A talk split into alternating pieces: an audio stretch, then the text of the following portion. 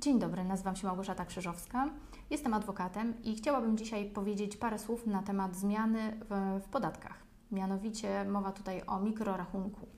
Mikrorachunek podatkowy został e, wprowadzony e, poprzez zmianę ustawy z 4 lipca, nowelizację z 4 lipca 2019 roku o zmianie ustawy o podatku od towarów i usług oraz niektórych ustaw.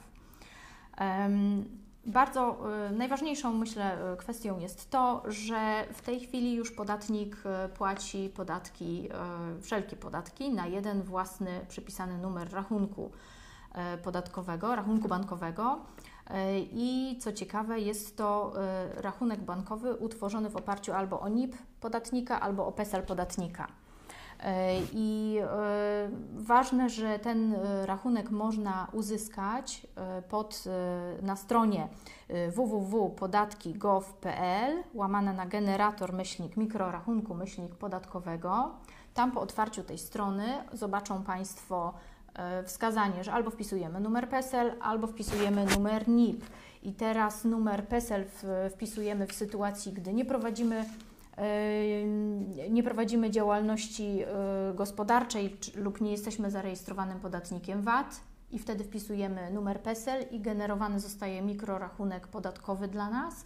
Natomiast w sytuacji, gdy prowadzimy działalność gospodarczą, jesteśmy podatnikiem VAT, no to oczywiście wpisujemy numer NIP i na tej podstawie jest generowany ten mikrorachunek podatkowy.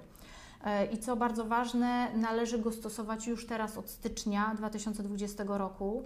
I w sytuacji, gdy mieliśmy jakieś takie stałe zlecenia na rachunki, e, na poprzednie rachunki, zlecenia podatkowe, to bardzo ważne, że o te zlecenia wygasną, one nie będą najprawdopodobniej realizowane przez banki, dlatego że tamte rachunki już nie będą miały zastosowania.